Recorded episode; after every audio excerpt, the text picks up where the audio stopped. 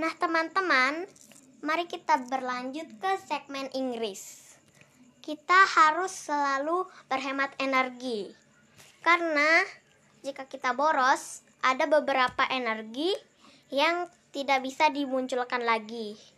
Teman-teman, mari kita bahas dan pelajari tentang kata-kata yang bisa kita gunakan untuk meminta orang-orang menghemat energi.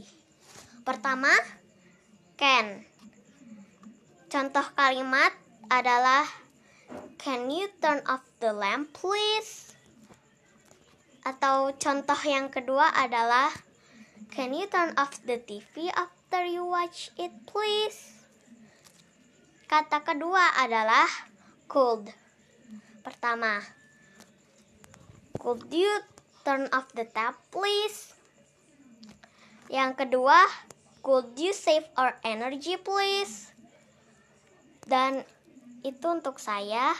Demikian, terima kasih.